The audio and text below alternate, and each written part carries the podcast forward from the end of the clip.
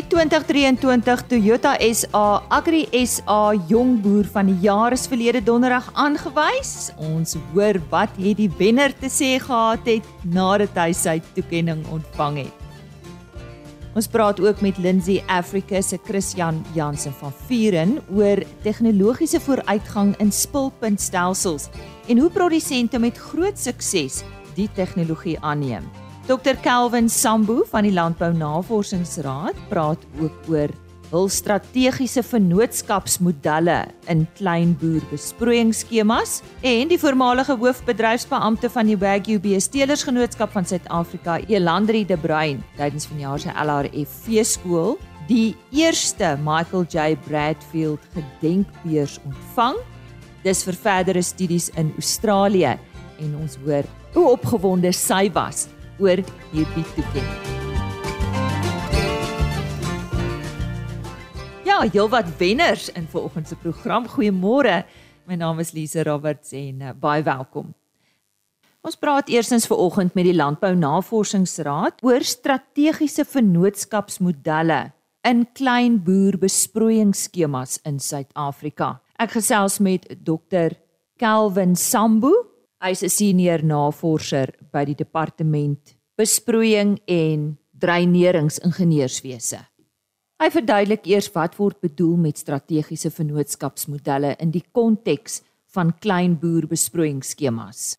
It's a partnership between smallholder farmers and an established uh, or an experienced farmer where they come together with the intention of training the farmers but while operating the, the, the farm on behalf of the farmers. So there is an element of skills transfer in terms of uh, operations, in, in terms of uh, access to markets and all other things that will assist the farmer. It is intended that uh, in a certain period, normally five years, then the farmers will then be able, the smallholder farmers will then be able to take over the scheme and run it on themselves. So it's it's to do with the sustainability of these smallholder irrigation schemes. Wat was hulle ervaring tot dusver met die implementering van hierdie tipe modelle? There's been some successes also, but mostly the experience has not been that good. Um, given the arrangements with the strategic partner and the farmers, the challenge has been that uh, the initiatives that have been um, initiated by the Department of Agriculture in, very, in various provinces. Uh, the partnership model which was used, which was one size fits all, uh, failed. And there are a number of things that resulted in a failure. The first thing is that farmers claim that they were never really involved in the selection of the strategic partner.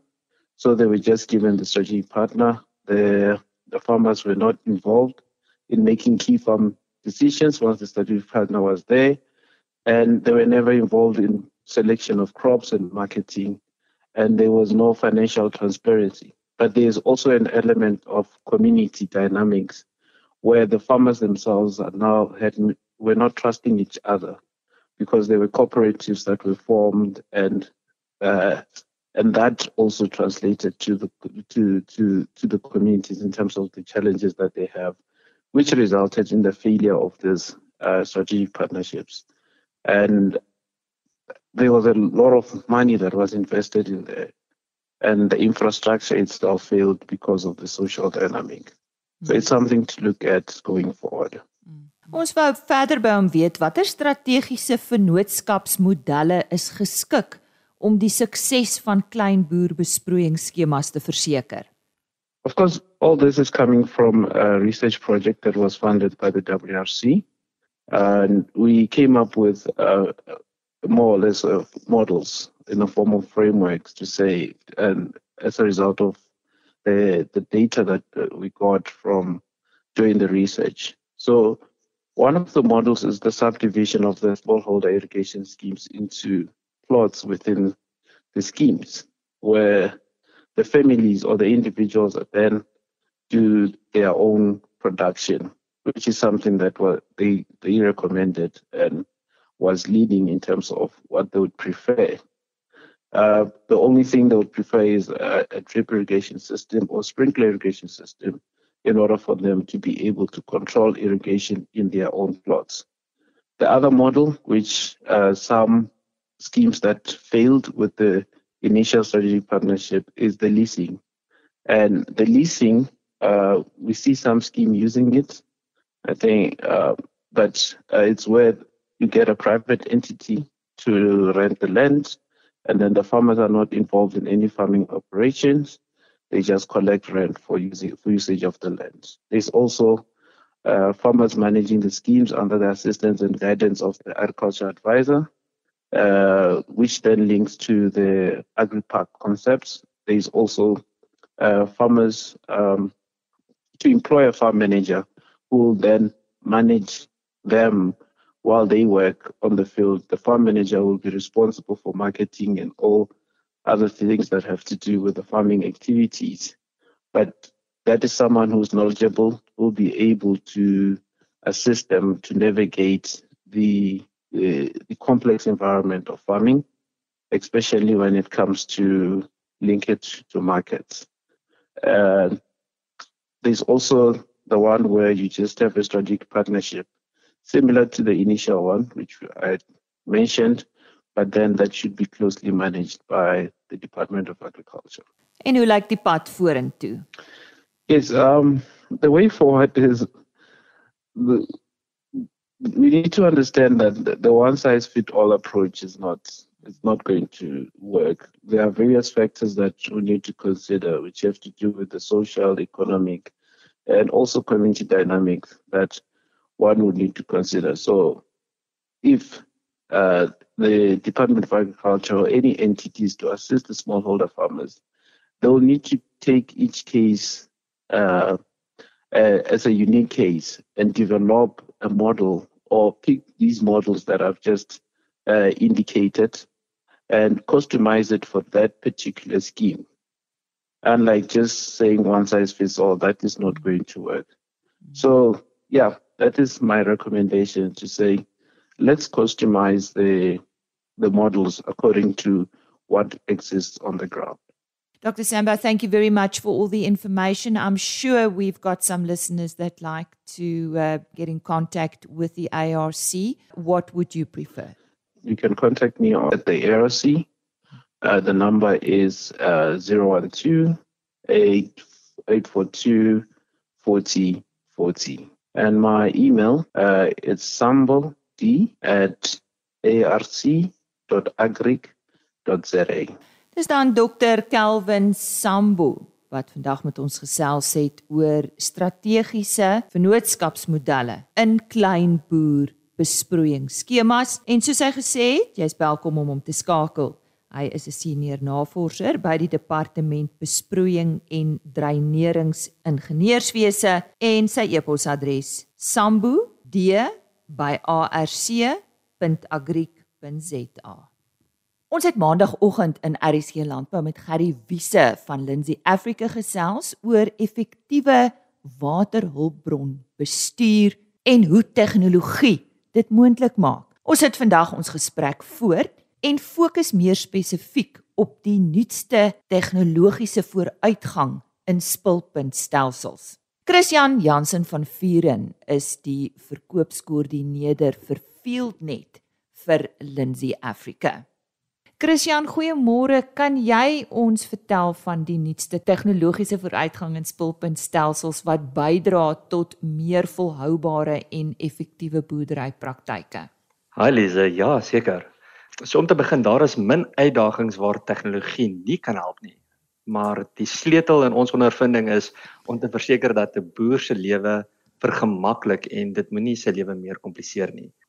Daar is die tipe boere wat eenvoudig net 'n oogie wil hou oor hulle spulpunte wat ver is en hulle wil graag net weet wanneer die stelsel gestop het of aan die ander kant is daar boere wat graag wil strewe na presiese beheer en hulle wil elke uitlaat op die lengte van 'n spulpunt onafhanklik kan skakel en water presies op die regte plek besproei. Ons bied 'n oplossing vir beide hierdie tipe boere en 'n boer met 'n spulpunt in verskillende omstandighede of met min of meer van dieselfde behoeftes. Waterskaarste is iets wat ons almal bekommer in Suid-Afrika. Hoe help julle tegnologie boere om hul waterbronne beter te bestuur en watter impak het dit op die omgewing en natuurlik op oesopbrengs? Water bepaal die maksimum gewasopbrengs. En dit is veral die bestuur of die die beweging van water wat dikwels 'n beduidende deel van die boer se hulpbronne in beslag neem. Dink hieraan. 'n Spulpunt se besproeiingssiklus kan maklik tot meer as 18 ure strek. En op dae met ononderbroke kragvoorsiening hoef 'n boer slegs een keer die stelsel te begin en te stop. Maar wanneer kragonderbrekings in werklikheid tree, dan vind 'n boer gewoonlik homself in 'n posisie waar hy hierdie proses vir elke interval moet herhaal. Dit vereis dikwels 'n vinnige aanpassing van hulle skuldeles. Hulle moet 'n toename in bedryfskoste aangaan en 'n wedloop teen tyd het om die gewas se waterbehoeftes te voldoen. Met ons tegnologie staan ons boere in staat om hul spulpunte op 'n afstand te moniteer en te beheer. Selfs die uitdaging wat deur kragonderbrekings meegebring word, kan geautomatiseer word met ons tegnologie wat 'n welkome verligting aan boere bied. 'n Boer gaan ook nie vir 18 ure staan en kyk hoe sy spulpunt besproei het nie. Ons meet gelukkig wat werklik gebeur het en bied verslagte wat 'n boer dan help om te bepaal waar het wat en hoeveel water neergesit en om seker te maak dat water nie die beperking faktor tot 'n oesverlies hoef te wees nie. Ons bemagtig dus boere om die werklike potensiaal van hulle water te benut. Christian, maar hoe verskil 'n plaas met en sonder hierdie tipe tegnologie? Lise, boere het baie uitdagings vandag. Dis een ding waaraan jy tekort is nie. Maar met internet wat goedkoper, vinniger en meer toeganklik geword het, het dit nuwe moontlikhede vir ons landbou geopen. Ons tegnologie maak nou gebruik van die krag van die internet om mense op die plaas beter te koördineer en boere in die vermoë te gee om hul toerusting te bestuur sonder om fisies hoef teenwoordig te wees. 'n Voorbeeld uit die Wes-Kaap is 'n plaas met 'n Zematic spulpunt wat al meer as 35 jaar in werking is en die plaas het meer as 15 spulpunte. Hulle maak gebruik van 'n groot besproeiingsspan en almal gebruik FieldNet. Hierdie tegnologie bevorder proaktiewe gedrag deur onmiddellik elkeen in die span in kennis te stel wanneer 'n waarskuwing ontstaan. Om hierdie span se prestasie te probeer vergelyk met 'n soortgelyke plaas wat nie tegnologie gebruik nie, is soos dag en nag. Dit is regtig merkwaardig om te sien hoeveel net hierdie span bemagtig om doeltreffend te reageer en te koördineer in hulle daaglikse uitdagings. 'n ander fascinerende geval behels 'n boer wat ons presisie tegnologie gebruik en saam met 'n agronoom in Duitsland werk. Die agronoom bied 'n basislymplan aan wat deur die boer oorsien en dan geïmplementeer word. Maar hierdie tipe samewerking, moontlik gemaak deur tegnologie, demonstreer die ongelooflike potensiaal van moderne landbou waar afstand irrelevant raak en kundigheid van reg oor die wêreld benut kan word. FieldNet revolusioneer werklik die manier waarop boere hulle daaglikse take hanteer en uitdagings oorkom. En so sê Christian Jansen van Vuren, verkoopskoördineerder vir FieldNet vir Lindsay Africa. En hy het met ons gesels oor die nuutste tegnologiese vooruitgang in spulpuntstelsels wat bydra tot meer volhoubare en effektiewe boerderypraktyke. Indien jy met hulle wil gesels, die maklikste besoek hulle webtuiste www.lindsay.com. Die voormalige hoofbedryfsbeampte van die Wagyu Beestelersgenootskap van Suid-Afrika, Elandri De Bruin, het onlangs vir haar PhD studies Australië toe vertrek. Dit kom nadat sy die eerste ontvanger van die Michael J Bradfield Gedenkbeurs aan die Universiteit van New England is. Sy het hierdie goeie nuus tydens die LRF se feeskool ontvang en Christelise Miller het pas nadat sy die toekenning ontvang het met haar gesels. Jelandri, baie geluk. Hoe voel dit om hierdie beurs te ontvang? Ek is verskriklik opgewonde oor die beurs wat ek gekry het en die geleentheid wat ek het om in Australië verder by PhD studies aan te gaan pak. Wat akademiese agtergrond het jy? Ek het my voorgraadse ehm um, graad in veekunde gedoen by die Universiteit van Pretoria by Tikkies en toe ek daar klaar gemaak het, het ek my meestersgraad in produksiefisiologie en produkkwaliteit gedoen onder die leiding van professor Eddie Webb. Vertel vir ons van die beurs. Wat behels dit? So die beurs is geskep deur die Universiteit van New England en ehm um, gesamentlik deur die Agricultural Business Research Institute wat Breedplan uh, dryf wat die sagte ware is wat die LRF gebruik vir genetiese evaluering. Ehm um, so hulle het 'n beurs saamgesit wat hulle elke 3 jaar dan hernie um, om iemand dan deur basies 'n uh, landbou gratis sit, nagraad spesifiek meesters of 'n PhD en hulle het besluit hulle dit nou oopmaak um, en ek staan in die eerste die eerste ontvanger van die beurs. So hulle het spesiaal gefokus om 'n Suid-Afrikaanse student te kry wat 'n Suid-Afrikaanse projek kan doen.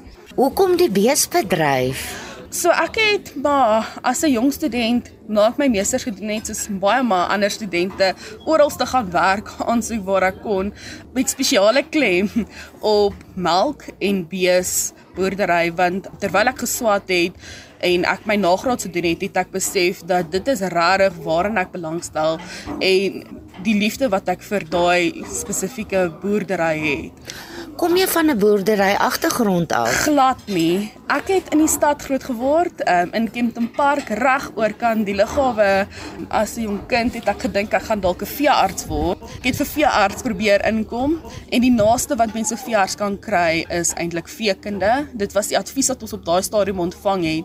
En ek dink ook dis baie beter in my beskeie opinie vir myself dat ek toe by veekunde opgeëindig het deur die universiteit en toe ek met dit begin basies as 'n voorgraadse student, ehm um, het ek geweet ek het my plek gevind en dat ek nie weer gaan terugkyk na 'n ander loopbaan toe nie. Maar ja, ek het opgehou aansoek doen vir veeartseny toe ek met veekunde begin werk het, um, omdat ek dit dadelik besef het dat dis eintlik waar ek moes wees en dit was God se plan vir my lewe gewees. Wat interessant was is ek het onder Dr. Michael Bradfield geleer as 'n student het ek my meestersklaar gemaak en ek het dadelik by hom begin werk. Ehm um, hy het my in alles ingetrek wat jy kon dink vir 'n genootskap en dus toe met sy afsterwe wat ek toe sy pos beklee ken um, wat my toe eintlik maar uh, een van 'n handjievol vroumense gemaak het dames wat hierdie posisie beklee in Suid-Afrika maar boonop ook nog die jongste persoon wat al hierdie posisie gehou het in Suid-Afrika op 'n jong ouderdom van 29 Wat jou motivering in die lewe? Ek dink die groot goed vir my is my eerste liefde was altyd die wetenskap gewees en dit was my voet in die deur gewees na na hierdie loopbaan toe. Michael het my so geïnspireer as jong mens. Um, hy was regtig meer as my werkgewer. Hy het my mentor geword en hy het sy kennis en sy tyd en sy geduld in my belê. Um en so deur met saam met hom te werk, het hy 'n passie in my gekweek vir boere. Um en dit is wat my dryf en ook wat wat ek met my saamdra in my PhD om my liefde vir wetenskap en biologie te kombineer met my my passie vir boere. So hoe pas die beurs in by jou toekomsvisie? Waar sien jy jouself eendag? Ek wil hoop om om drie goeders reg te kry met hierdie beurs. Die eerste is dat ek 'n impakvol studie aanpak wat regte waarde vir die Suid-Afrikaanse rooi vleisindustrie sal toevoeg.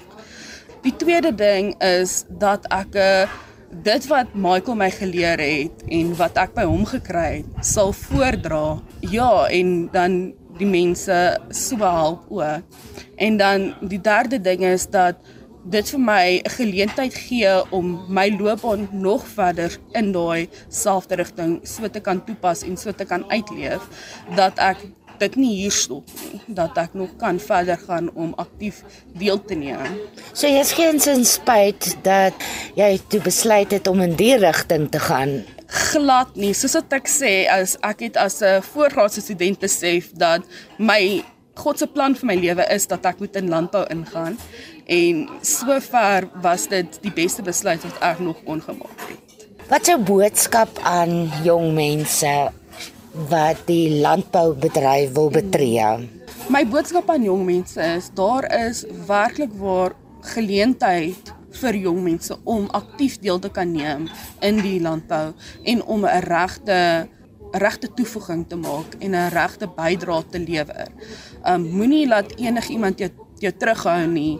Moenie laat iemand vir jou ooit sê jy's te jonk nie. Um die die grootste les wat jy as jong mens moet onthou is dat net jong mense kan hardloop. Ouer mense kan die pad aandui, maar jong mense kan hardloop en die visie verder dryf. So moenie dat moenie terugstaan nie. En dit was dan 'n baie opgewonde Elandri de Bruin, voormalige hoofbedryfsbeampte van die Wagyu Beestelers Genootskap en die eerste ontvanger van die Michael J Bradfield Gedenkbeurs. En Christelise Miller het met haar gesels. Gereelde RC landbou luisteraars sal weet dat ek vanjaar en elke jaar met elke provinsiale wenner in die Toyota SA Agri SA Jong Boer van die Jaar kompetisie gesels. Die hoogtepunt was donderdag aand 16 November in Johannesburg.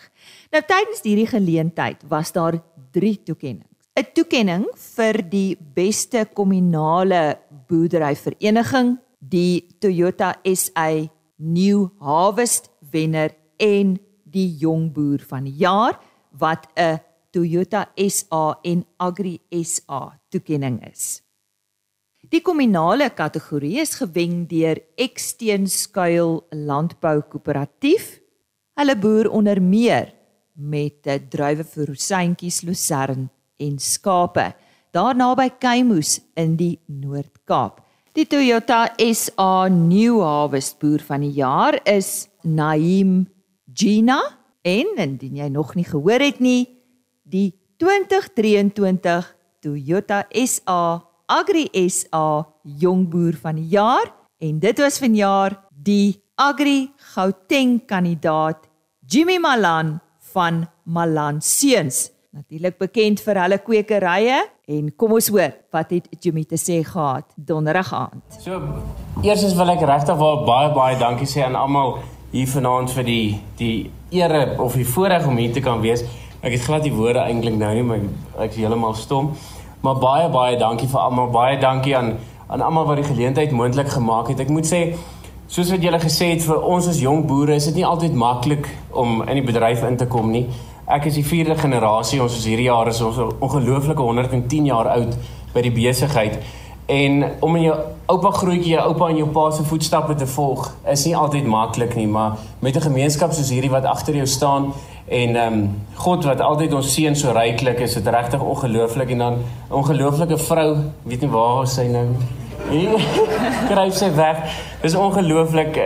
Die liewe Here het my kom seën met die beste engel langs my en regtig waar om laat aan te werk. Julle almal weet, dis nie altyd maklik nie om 300 mense onder jou te hê en hulle moet in heeltyd in te praat. Dis ongelooflik en dan lief baie baie dankie. Sonder jou sal dit nie maklik wees nie.